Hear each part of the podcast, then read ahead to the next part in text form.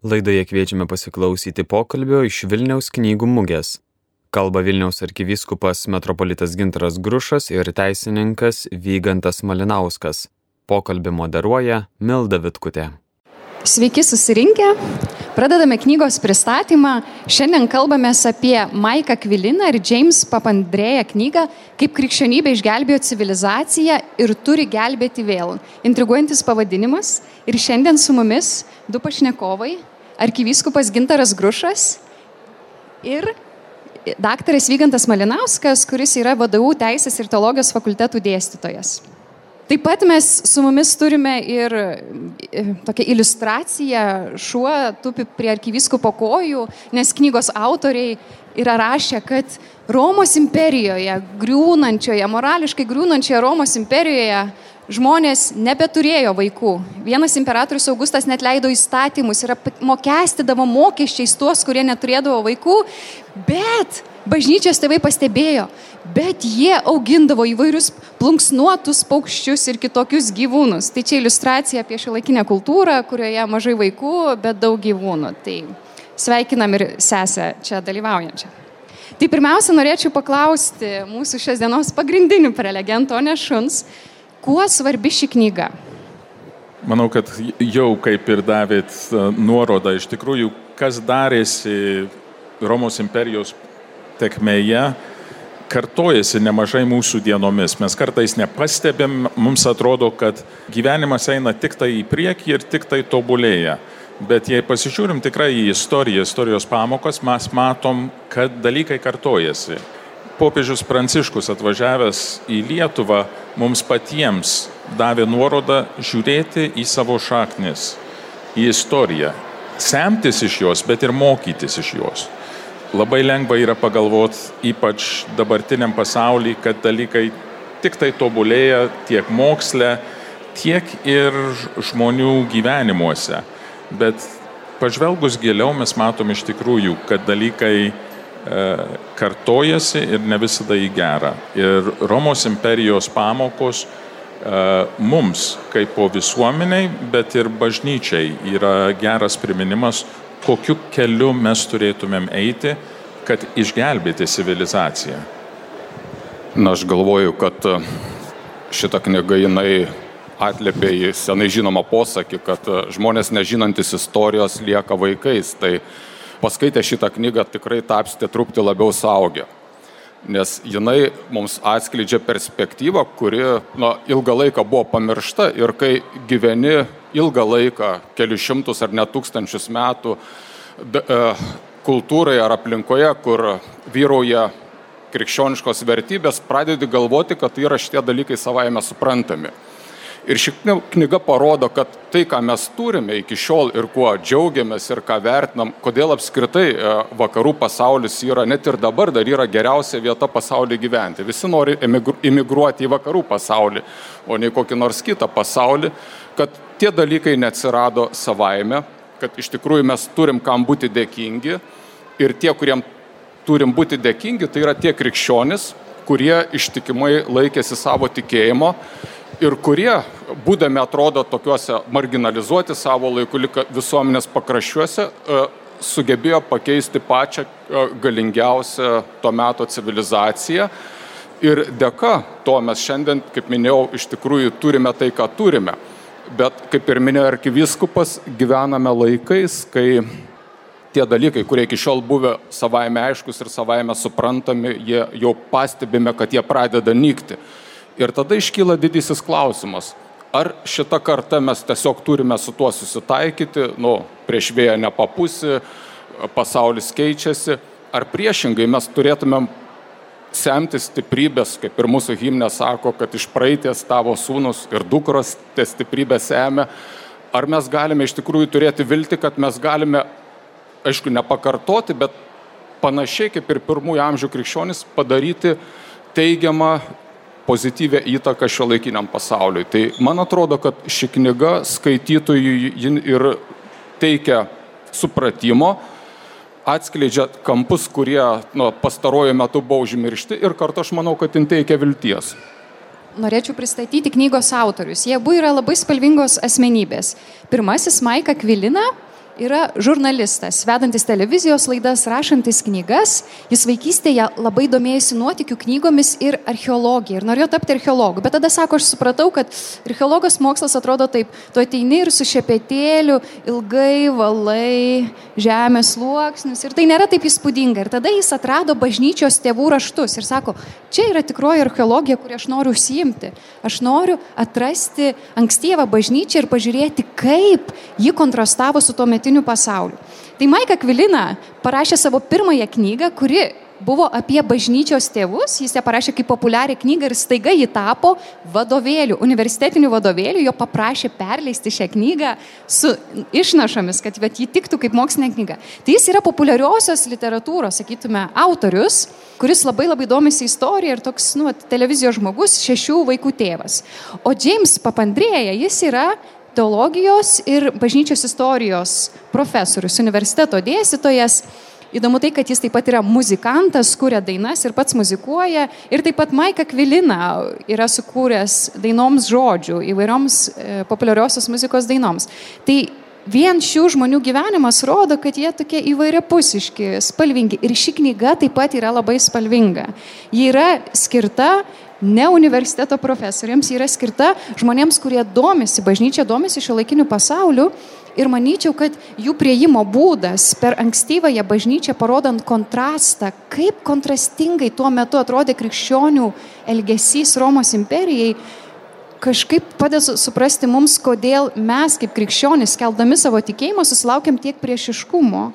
Bažnyčios mokymas iš tikrųjų dabartinėme, sakytume, kaip pats autorius įvardina, patys autoriai po krikščioniškam pasaulyje, yra toks pats kontrastingas.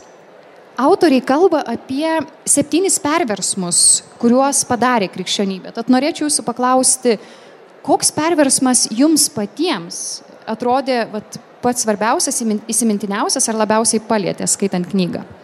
Manau, kad sunku įsirinkti vieną, nes tikrai yra istorijos tekmė, kaip pasaulis kūrėsi, civilizacija, bet paimsiu religijos, todėl kad man atrodo, kad e, religijos vieta visuomeniai paliko mus ir kitose srityse su labai trumpa atmintim.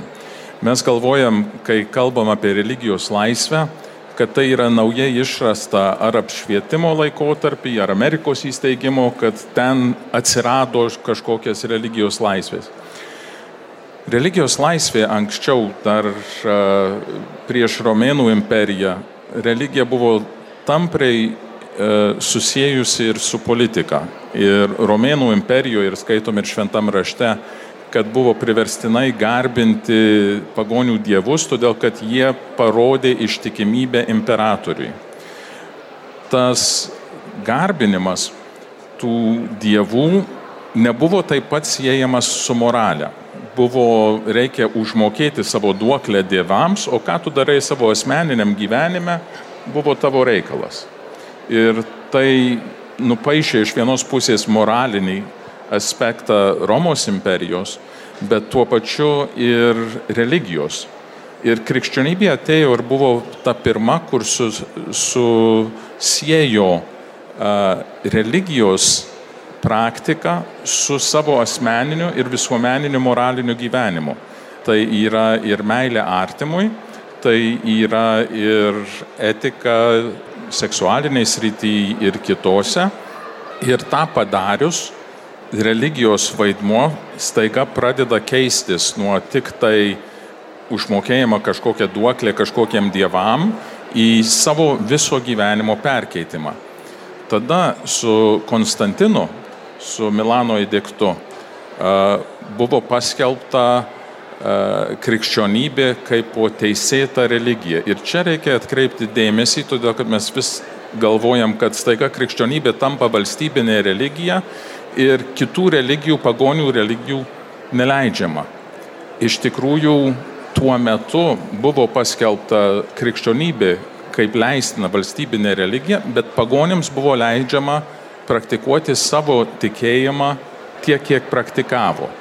Ir krikščionybės pritraukimas buvo per pavyzdį, pagal krikščionių pavyzdį, jų gyvenimą, veiklą, jų gyvenimo liūdėjimą. Ir tokiu būdu daug iš pagonių perėjo į krikščionybę, ne prievartą.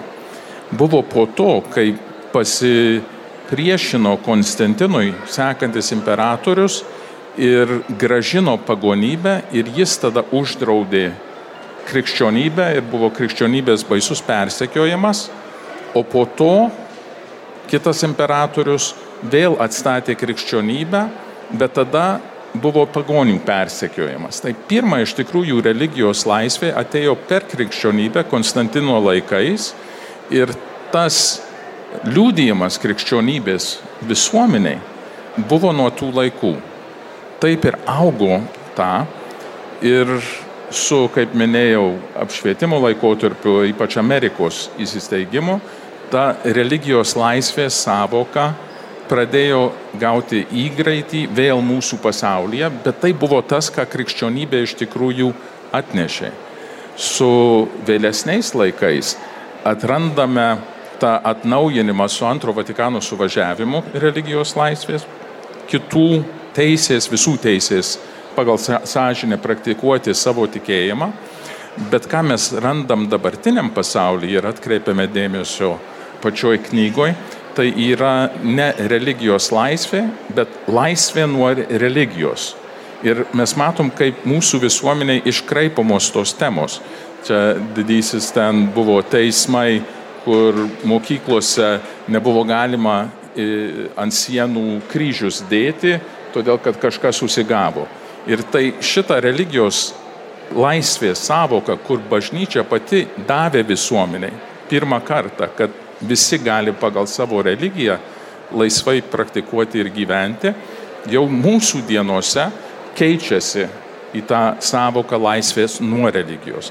Tai mes matome, kaip bažnyčios atnešamos savokos į gyvenimą yra perkeičiamos ir atsisuka dabar naujai prieš bažnyčią, o vėliau tikimės ir autoriai kaip tik ir, ir sako, ką dabar turim daryti, kad gražinti tą pervesmą, kur bažnyčia atnešė į civilizaciją. Na, aš gal norėčiau dar paminėti apie pačią knygos struktūrą. Pati knyga yra parašyta taip septynios revoliucijos, kaip autoriai įvardina, kurias bažnyčia atnešė vakarų civilizaciją arba sukūrė vakarų civilizaciją per septynias revoliucijas. Tai tas skaičius septynis nėra atsitiktinis. Skaičius septyni tai yra bažnyčios tradicijų yra labai svarbus yra septynios darybės, e, septynios šventos dvasios dovanos, septyni šventos dvasios vaisiai. Ir ši knyga, man atrodo, jin paima tokį įdomų kampą, nes gali kelti klausimą, tarkim, jeigu tikrai bažnyčia iš Dievo, jeigu katalikų tikėjimas yra iš Dievo, tai ką gero tas katalikų tikėjimas duoda ne tik žmogui, bet ir visuomeniai. Ir labai dažnai mes e, e, vadovavomės tokiu stereotipiniu vaizdiniu, kurį apibūdino, čia noriu pasidalinti, vienas bičiulis pasakojo, kaip jo dukra grįžo namo iš katalikiškos mokyklos, ne šiaip iš kokios mokyklos, iš katalikiškos. Ir sako, klausyk tėti, sako, po istorijos pamokų, sako, buvo toks labai šviesus antikos laikotarpis, labai toksai dinamiškas ir taip toliau. Tada įsigalėjo krikščionybė ir atėjo tamsieji viduramžiai, ten teisų varžymas, raganų deginimas ir vis, visos kitos blogybės. Kol pagaliau ateina vėl apšvieta, didžioji prancūzų revoliucija ir va, grįžta liktai šviesa į mūsų pasaulį. Ir atrodo, kad toks, nu, kaip gali pas, pasijuokti ar tai pasišypsoti klausydamas, bet tokia perspektyva, tokia istoriografinė perspektyva iš tikrųjų yra labai gaji ir nėra nekalta. Nes moralas yra jos, kad štai žiūrėkit, jeigu krikščionybė per tūkstantį metų nieko negalėjo gero duoti civilizacijai, tai gal ji nieko ir negali duoti. Gal tada iš viso geriau krikščionių neprileisti prie visuomenės, tegul jie eina pas arkiviskupą į katedrą, į mišes, bet tegul nieko nešneka viešo erdvėje. Tai ši knyga yra tuo vertinga, kad jin, nu, tą mitą sugriauna. Jis galima ją būt, būtų įvardinti kaip mitų griovimo knyga. Ir kaip jau minėjau, jin parodo, kad kai kurie dalykai, kuriuos mes laikom savaime suprantamais, jie tokie nėra. Jie atsirado tik todėl, kad savo laiku vakarų civilizacijų įsivyraujo religija, kurią mes pažįstam kaip krikščionybė. O kalbant iš tų vat, septynių revoliucijų, septynių dovanų, man asmeniškai buvo ypač įdomus skyrius apie tai, kaip pakeitė krikščionybė šeimos supratimą ir šeimos santykius visuomenėje. Dabar mums atrodo savaime suprantama, kad e, vyras ir moteris turi viens kitą mylėti, viens kitą gerbti, viens kitų rūpintis, kad vaikai, prioritetas turi būti vaikams, kad kaip Junktinių tautų vaiko teisų konvencijoje parašyta, kad e, turi būti atsižvelgiama į geriausius vaiko interesus. Bet iš tikrųjų, antikos laikotarpiu šitie dalykai visiškai nebuvo savaime suprantami. Priešingai, vaikui gimus tėvas spręsdavo, ar jis nori tą vaiką auginti ar ne. Ir, ir būdavo praktika, kad tiesiog kūdikiai būdavo paliekami numirti, jau nekalbant apie, apie abortus. Moteris buvo, e, na, vyro nusavybė, daiktas, kuri, kuri tarnavo vyrui ir jin buvo tiek vertinga, kiek, sakykime, galėjo atliepti vyro poreikį pratesti savo giminę ar, ar sudaryti kažkokias kitokias praktinės sąjungas. Antikos pasaulyje nieko panašaus nėra, kaip mes dabar suprantam, kad vyras turi būti ištikimas žmonai, ją gerbti, mylėti, dėl jos aukotis. Ne, šitie dalykai ateina tik tai su krikščionybė ir autorius šitoj knygai, autoriai tiksliau, jie puikiai pailustruoja tą revoliucinį perversmą. E, mūsų laikais žodis džentelmenas atrodo, nu, kaip ir savaime suprantamas. Antikos laikais neegzistuoja džentelmenai arba jeigu galima, autoriai beje mini, pavartoja tą žodį džentelmenas, bet džentelmenas antikos laikų nieko, nebendro, nieko bendro neturi su pagarbė elgesiu su moterim. Džentelmenas tai yra tarp vyrų, reiškia džentelmenai. Tai ši knyga ir nu, vat, šitas skyrius, kaip ir kitas, tiesiog autoriai parodo, kokie įvyksta radikalūs pokyčiai. Įvyksta radikalūs pokyčiai būtent dėka to, kad įsivyrauja religija, kuri mato žmogų, kuris yra kaip vyras ir moteris visiškai kitoj perspektyvoj. Ir ta perspektyva, jinai atveria galimybę atsirasti naujam santykiam, kurie dar vis, sakykime, išlieka socialinė norma ir mūsų laikais.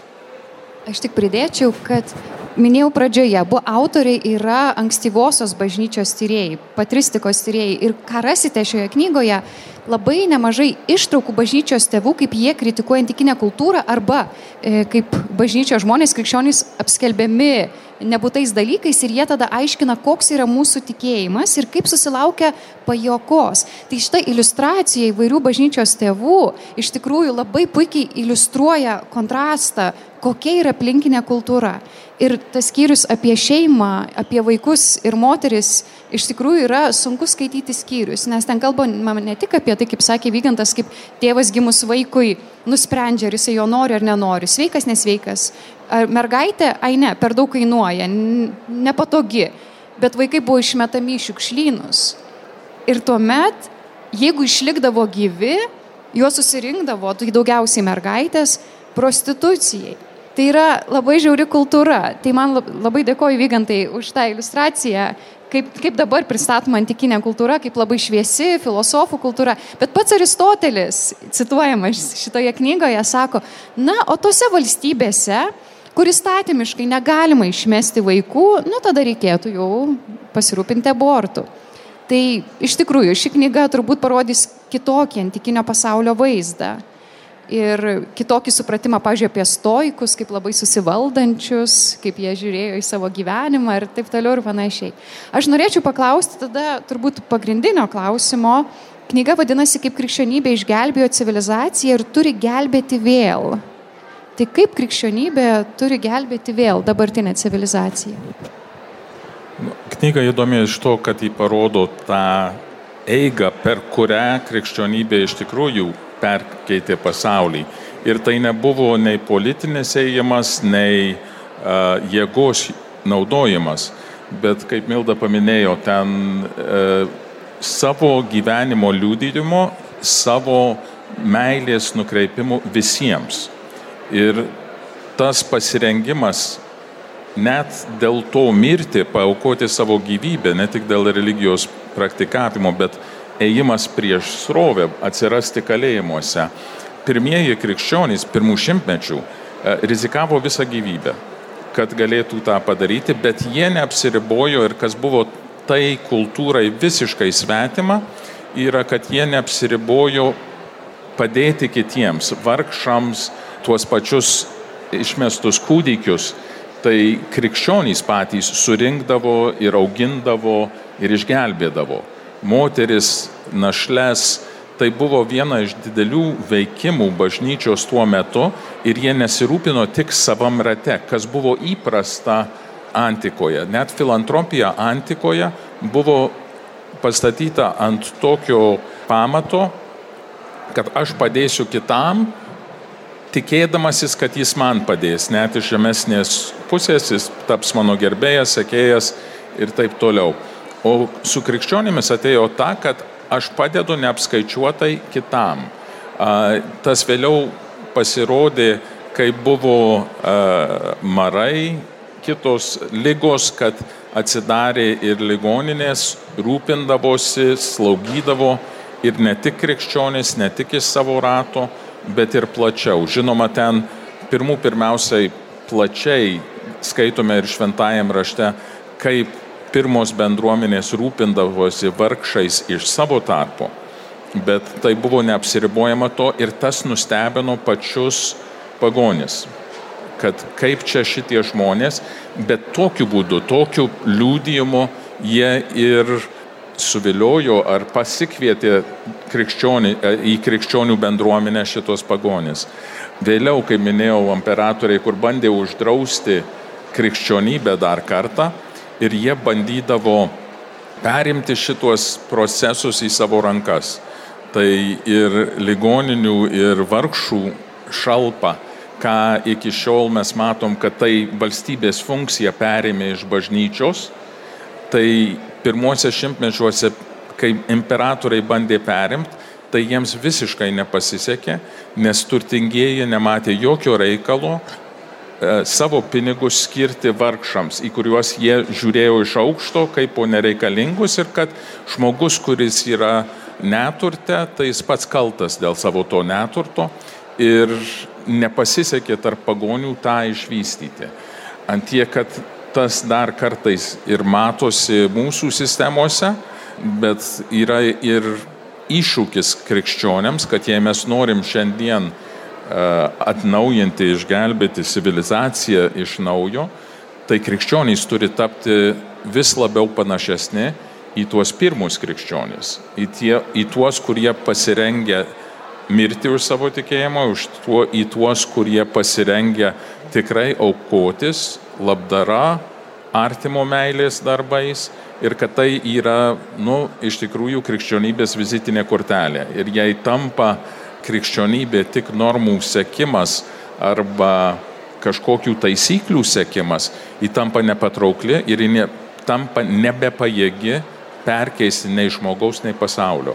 Tai knyga iš tikrųjų meta iššūkį dėl to pasaulio pakeitimo, civilizacijos atnaujinimo, bet ir tiems, kurie save laiko krikščionimis, meta labai didelį iššūkį ant kaip iš tikrųjų aš save matau kaip po krikščionių, kaip aš tą rodau pasaulyje, rodau savo asmeniniu gyvenimu. Tai ir bendras atsivertimas, ir asmeninis atsivertimas pabrėžimas šitoje istorijoje. Na va, aš, aš galvoju, kad e, čia šitoj vietoj turbūt yra vienas svarbus niuansas. Trupti bandau su arkiviskupu polemizuoti. Šiaip tokia dabartinė paradigma, kad nu, vat, mes turim liūdyti savo gyvenimu, krikščioniško gyvenimo grožį, e, Kristaus meilę ir, ir, ir, ir vien tuo mes pakeisime pasaulį. Ir tai yra tiesa, bet man atrodo dar ne visa tiesa iš tiesų būti krikščionimi ir liūdyti, bent jau ką parodo autoriai pirmais amžiais, tai reiškia būti pasirengus mokėti kainą už savo tikėjimą. Kitaip tariant, krikščionis jie neturėjo tokios iliuzijos, kaip, nu, arba tokio optimizmo, kurį turėjo seno, e, graikų filosofai, pavyzdžiui, Sokratas, kuris sakė, kad e, jeigu žmogus žino, kas yra gerai, jis automatiškai elgsis gerai. Ne, krikščionis žino, kad vis tik tai mes net ir žinodami, kas yra gera, ir nuo savo aplinkoje, savo patirtį tą puikiai matome, vis tiek galime būti linkę į blogį. Ir blogis jis nėra pasivus, blogis yra aktyvi jėga, kuri veikia per žmonės, nu, vat, irgi reikėtų paminėti, ar ne, yra metinės Ukrainos karo. Vat, mes matom, kas yra aktyvus blogis. Ir kai tu susiduri su aktyviu blogiu, tarkim, vat, gyveni tokioje valstybėje, kur, kur yra agresorė, neužtenka tik tai būti šiaip gerų piliečių, bet tu turi tada apsispręsti, ar tu išstoji ir tu pasakai, kad tai yra dalykai, kuriem aš negaliu pritarti, tu puikiai žinai, kad jeigu tu tą padarysi, tu gali sugriauti savo karjerą, prarasti pajamas, prarasti socialinius ryšius, galbūt būti pasodintas į kalėjimą, gal, galbūt galiausiai būti nužudytas. Tai man atrodo, va, ką autorius parodo, kad iš tiesų, jeigu tu nori pakeisti kultūrą ar civilizaciją, jeigu nori, tai neužtenka tik tai būti šiaip geru žmogumi, bet pirmiausia, tu turi būti pasirengęs gyventi tiesoje, net jeigu už tą gyvenimą tau reikės sumokėti kainą, kad ir kokią didelę. Ir, ir krikščionis tą darė. Čia, ką ir arkiviskupas minėjo, ir knygoje yra akcentuojama, kaip prasidėjo krikščionių persikėjimai. Na, krikščionių, nors jau prieš pat persikėjimų pabaigą jų Romos imperijų buvo labai daug. Jie nedarė revoliucijos, jie nedarė sukilimo, jie nebandė nuversti valdžios, bet jie irgi neužsidarė tik tai savo privačioje erdvėje, jie nuolat pabrėždavo, kad mes negalime tarnauti blogiui. Mes turime dalykus vadinti tikrais vardais, kad tai, kas yra dora, yra dora, kas yra nedora, nedora. Ir jeigu jūs mane verčiate prisidėti prie to, kas yra nedora, tai aš verčiau sutiksiu nukentėti, sumokėti kainą, negu kad eiti į kompromisus. Tai čia, man atrodo, yra tas labai svarbus krikščioniško liūdimo aspektas, kuris mūsų laikais lab, nu, pamirštamas. Va, tai jeigu ten krikščioniškai aplinkoje, kas yra liūdimai, tai atsistoja ant sienos žmogus ir papasakoja, kaip jam kažkokių gražių dalykų nutiko gyvenime. Pirmiem krikščionim liūdimas yra martyrum. Reiškia, tu paliūdėjai tada, kai tu sumoki kainą už savo tikėjimą. Dar galiu pridėti čia, skaitant knygą, vienas dalykas, kur man įstrigo, ant kiek yra panašus vėl Romos imperijos laikas ir šiandienos laikas. Net pavyzdžiuose, kur apie bažnyčios tėvus, kurie savo žmonės mokė visuomeniai, kur buvo lytinis paleistuvavimas, palaidumas, kai buvo pilnas smurto ir tas smurtas buvo būdas žmonėms pramogai. Mes žinom apie kai krikščionis metė gyvuliams e, tam kovom. Bet bažnyčios tėvai mokino, kad neužtenka tik nedalyvauti tuose dalykuose. Jei juos stebi, jei nueini ir ten buvo tokios pramogos, ar, ar kur žmonės prieš žmonės ar prieš gyvulius žūsta, ar e, paleistuvystės teatre senas, tai tu nusikalti tiek pat, kiek tu nusikalti dalyvaudamas ir todėl krikščionims nedėra net ir ten dalyvauti. Čia prieš 2000 metų. Dabar pasižiūrim į ką tai reiškia stebėti šalies su visa mūsų socialiniais tinklais, internetu, vaizdais, kuriais esame bombarduojami reklamoje ir taip pat vaikų žaidimais, kur yra antiek pilni smurto. Ir skaitai, ką šitie bažnyčios tėvai prieš beveik 2000 metų kalbėjo, matom, ant kiek ta situacija yra mums tokia pati. Ir kad mes turim apsispręsti, kaip po krikščionys, jei norim iš tikrųjų pakeisti mūsų civilizaciją, kad mes turim grįžti į, tos, į savo šaknis ir sugebėti taip pat liūdyti tikėjimą ir, ir apreikštą tikėjimą, kaip jie tada darė. Aš norėčiau dar atkreipti dėmesį į kelis paties autoriaus įvardintus tikslus, kodėl jisai rašė knygą. Vienas iš jų sako, aš noriu padrasinti ir paskatinti dabartinius krikščionius gyventi kuo gilesnį krikščionišką gyvenimą. Jie sako, mes galvom, kad mes turim kažką išrasti, kad ta krikščionybė kažkaip turi būti įmantriai ypatingai gyvendinta. Ir autoriai sako, pasižiūrėkite į ankstyvąją bažnyčią, jie tiesiog bandė pilnai gyventinti savo krikščionišką tikėjimą. Ir sako, ši knyga yra paraginimas jum, kad tai veikia, toks pilnutinis krikščioniškas gyvenimas veikia. Bet antra, šita knyga parašyta ir kaip apologetinė knyga, kuris skirta apginti neteisingai kaltinamą tikėjimą, bet ne kažkaip teologiniais argumentais, bet parodant istoriškai, kaip atrodė bažnyčia tuometinio pasaulyje ir kaip Vygantas minėjo, kažkaip atstatyti tą iškreiptą tiek antikinio pasaulio, tiek krikščionybės vaizdą. Bet mes galim pasakyti bažnyčiai tokį kaltinimą ir patys autoriai tai mini, bet kiek dabar blogybių yra bažnyčiai. Va, čia yra lytinio išnaudojimo skandalas, siaubingas dalykas. Ir patys autoriai sako, taip yra siaubingas dalykas bažnyčioje, yra labai daug padaryta klaidų ir vis dar daromas, bet ką atkreipia dėmesį, kokį dėmesį, į ką atkreipia dėmesį autoriai, kad šita kritika yra paremta pačios krikščionybės iškeltais moraliniais kriterijais, pačios bažnyčios argumentais. Norėčiau paprašyti Vygantai jūsų pakomentuoti, kaip jūs manote, matote šią situaciją.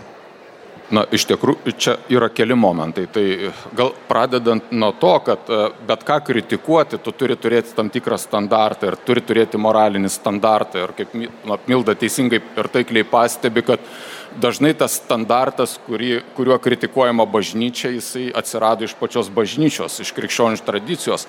Ir aišku, tai yra suprantama, nes tas pasakymas, kad uh, jeigu jau kažką skelbi, tai turi taip gyventi, tai ir pačiai bažnyčiai tas standartas jis tampa daug aukštesnis. Sakykime, blogio egzistuoja visur, bet jeigu blogis pasireiškia bažnyčioje, kuri turėtų būti to gėrio atstovė, tai e, tas e, žaidžia daug skaudžiau.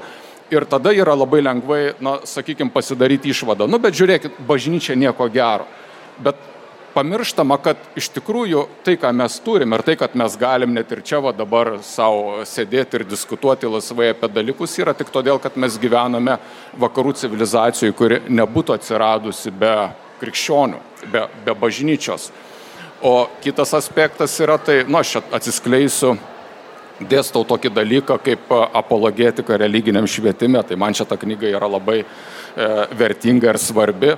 Ir bet dėstau ne tuo tradiciniu kampu, kaip yra traktatai apie religijos pateisinimą, apie katalikybės pateisinimą, apie tai, kad ar Kristus buvo Dievas, bet būtent iš to istorinio taško, nes šiuo metu daugiausiai kritikos, nu, arba vienas iš tų sričių, kur daugiausiai yra religija kritikuojama, tai būtent istoriniais argumentais.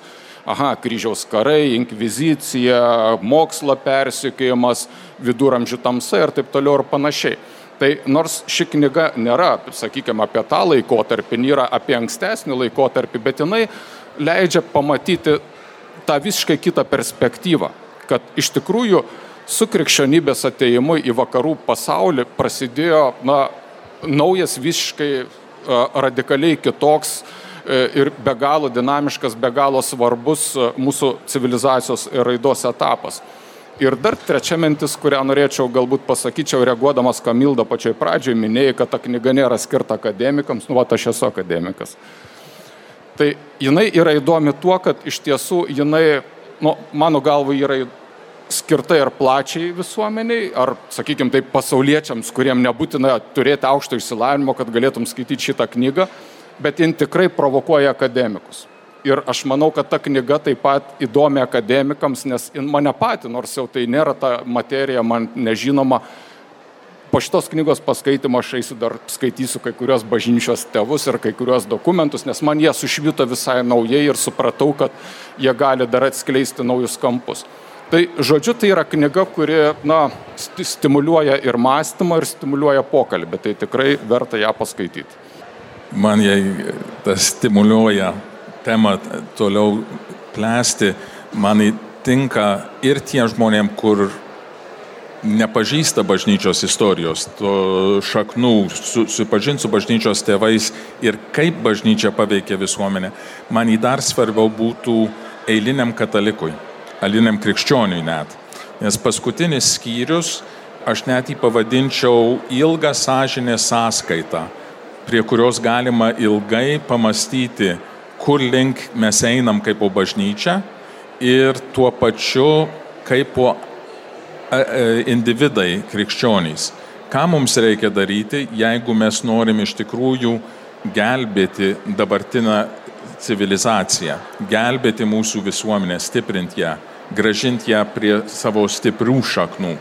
Ir ten tikrai viena iš tų, sakyčiau, nu, jie patys pasako, pristatė kokią dešimt puslapių tokių mąstymų, ką reikia daryti, tada paragina autoriai, grįžkite per šitą, pabraukite, ką jūs manot svarbiausia. Grįžkite vėl, pabraukite, ką jūs galvojat, kad man reikia padaryti. Ir tokia tikrai permastyti, kaip šitas paliečia mano gyvenimą. Bet turbūt, jei, jei patiko man, kaip autoriai užbaigia, nes iš tikrųjų tokia raktinė frazė, turime prisiminti, kad mes esam bažnyčia. Tai nėra kažkokia bažnyčia tenai. Ir, ir kaip arkivyskupas dažnai tą uh, gaunu priekaištą, kad jūs bažnyčia, ar jūs bažnyčia turi eiti ir kalbėti dėl kažkokio pakeitimo visuomenė. Tai su tuo sutinku, bet nesutinku, kad tai tik tai hierarkai ir neturėtų būti hierarkai.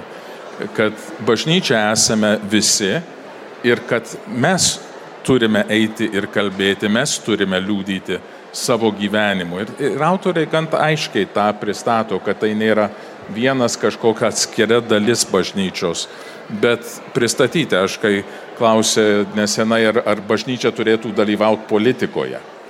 Nu, atsakymas yra labai aiškus. Kaip supranti bažnyčia? Ar tai tai būtų e, dvasininkų kažkokią politinę partiją? Tikrai ne ir ne prie to einam.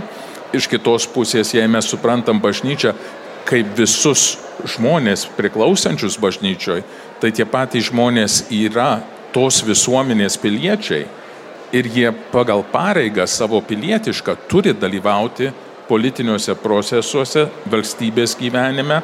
Ir iš tos supratimo, kad mes visi esam ta bažnyčia, mes privalome nešti šitą gerąją naujieną šiandienos visuomeniai, šiandienos civilizacijai. Dabar yra laikas klausimams. Jeigu norėtume, norėtumėte užduoti klausimą, kilstelkite ranką, prinešį mikrofoną.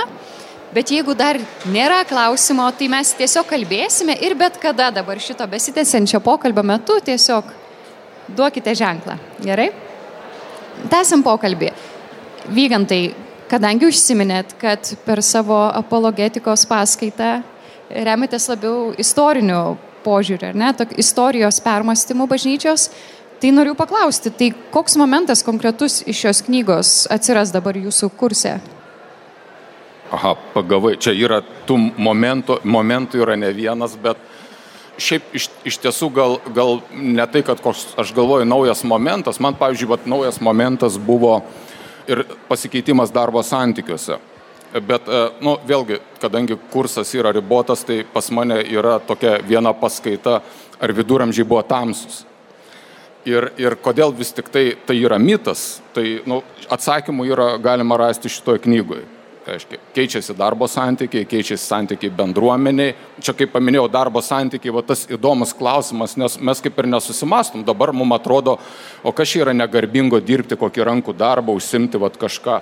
Pasirodo, kad tai nebuvo savaime aišku pirmaisiais krikščionybės amžiais, kad jeigu tu esi pasiturintis žmogus, tu negali sauliaisti dirbti, tu turi tik tai vaikščioti į pramogas. Tai, tai tur, turbūt, nu, šitie aspektai. Tiesiog e, man šita knyga labiau padės paaiškinti, kodėl įvyko ta transformacija viduramžiais ir kodėl tai buvo dalykai, kurie nebuvo savaime suprantami. Tai klausiu tada arkivyskupo, jeigu jūs dėstytumėte šį kursą, kokį aspektą įtrauktumėte? Žinai, aš, aš turbūt ne šį kursą, na, apologetika. Ta pati iš esmės, ką sakiau, man atrodo, kad supratimas, kad šiandien mums reikia naudoti tas pačius principus, kurie anksčiau pakeitė.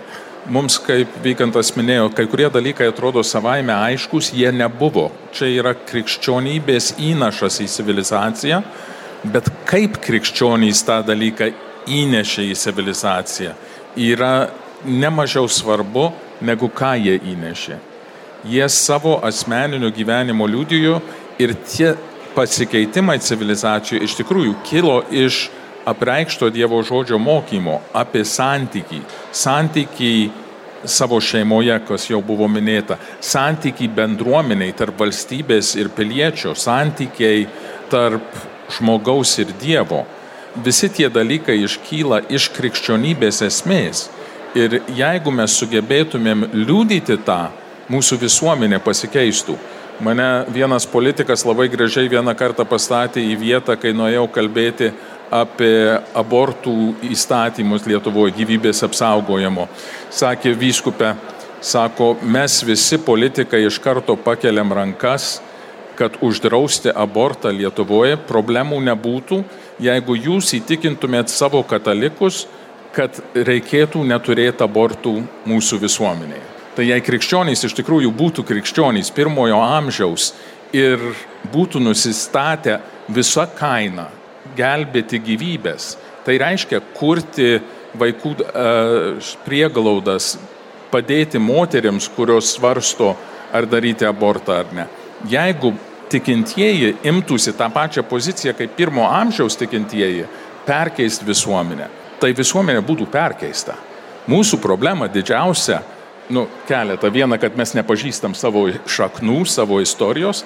Antra, mes turim pažiūrėti į save ir pažiūrėti, ar mes esam pasiruošę mirti už tą tikėjimą arba aukotis ne tik pinigais, bet savo darbu, savo reputaciją, kaip Vygantas minėjo.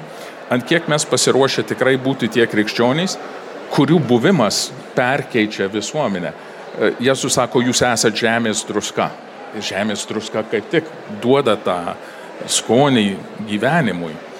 Mes turim tą ypač dabar gavėnios metu.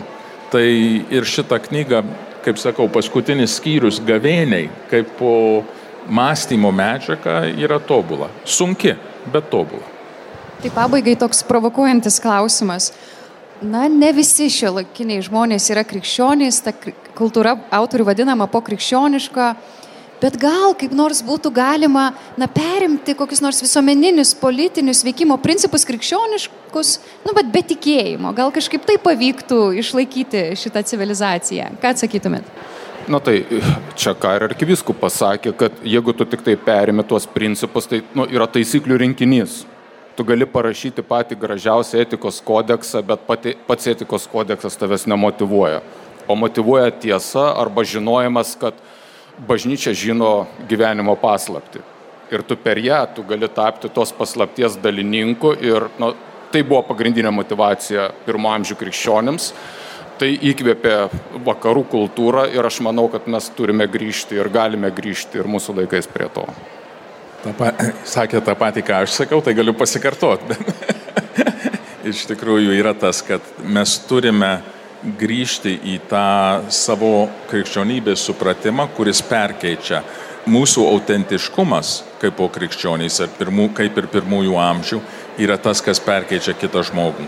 Kalbėti apie tai ir ankstyvieji visi, kur bandė, išneša to, šaknys to, yra, kad žmogus dėja yra nuodėmingas, yra savanaudiškas ir tą istorijoje pamatė įvairių imperijų vadovai. Bandė tą įvesti pagal įstatymą ir tas neveikia, nes žmogus, kai pasiekia kažkokią momentą, kai tampa gyvenimas patogus, pasidaro savanaudiškas. Aš ten yra ta vieta šitoj knygoj, kur kalba apie tą permainą civilizacijų, kas 200 metų ir tik tokia vienas sakinys, kur apibūdino tautos vystėsi tokia linkme Nuo vergyjos iki dvasinio tikėjimo, nuo tikėjimo iki didžiulės drąsos, nuo drąsos iki laisvės, nuo laisvės iki gerovės, nuo gerovės iki savanaudiškumo, nuo savanaudiškumo iki pasitenkinimo, nuo pasitenkinimo iki apatijos, nuo apatijos iki priklausomybės, nuo priklausomybės iki vergyjos. Tai mes matom tą ratą, kuris ir kai tik mes dabar kalbam apie apie ne tik laisvę, bet apie gerovės visuomenę, tai mes turim labai saugotis, kad mes netaptumėm pasitenkinti savem, apatiški ir priklausomi. Ir tada tampam vėl į tą vergyją. Dabar yra tas laikas, kur iš tikrųjų krikščionybė gali padėti labai daug mūsų visuomeniai ir pasauliui, bet mes patys turim apsispręsti iš tikrųjų kad einam tuo keliu ir istorija parodo, kad gali būti didžiuliai pokyčiai. Tad noriu pabaigti atliepdama abiem prelegentam C.S. Lewis, autoriaus žodžiais, tiksliau autoriaus asmenė patirtim. Čia tas žmogus, kuris parašė Narnijos kroniką, knygą tiesiog krikščionybė, krikščionis, protestantas, apologetas. Vienam gyvenimo etape jisai bandė gyventi pagal sąžinę. Jis dar nebuvo atsivertęs ir tiesiog sakė, aš noriu gyventi taip, žinau, kas yra teisinga, dabar darysiu tai, ką žinau esant teisinga. Ir jam nepavyko. Jis suprato, kad man reikia išorinės pagalbos, nors aš žinau, aš pats negaliu. Tai ši knyga padrasinimas, paskatinimas mums visiems. Mes negalim vieni be išorinės pagalbos, bet ši pagalba yra. Ačiū Jums, ačiū mėly klausytojai, gražių kitų susitikimų. Sudė. Šioje laidoje klausėmės įrašo iš Vilniaus knygų mugės. Laidoje kalbėjo Vilniaus arkivyskupas metropolitas Gintaras Grušas ir teisininkas Vygantas Malinauskas. Pokalbį moderavo Milda Vitkutė. Likite su Marijos radiju.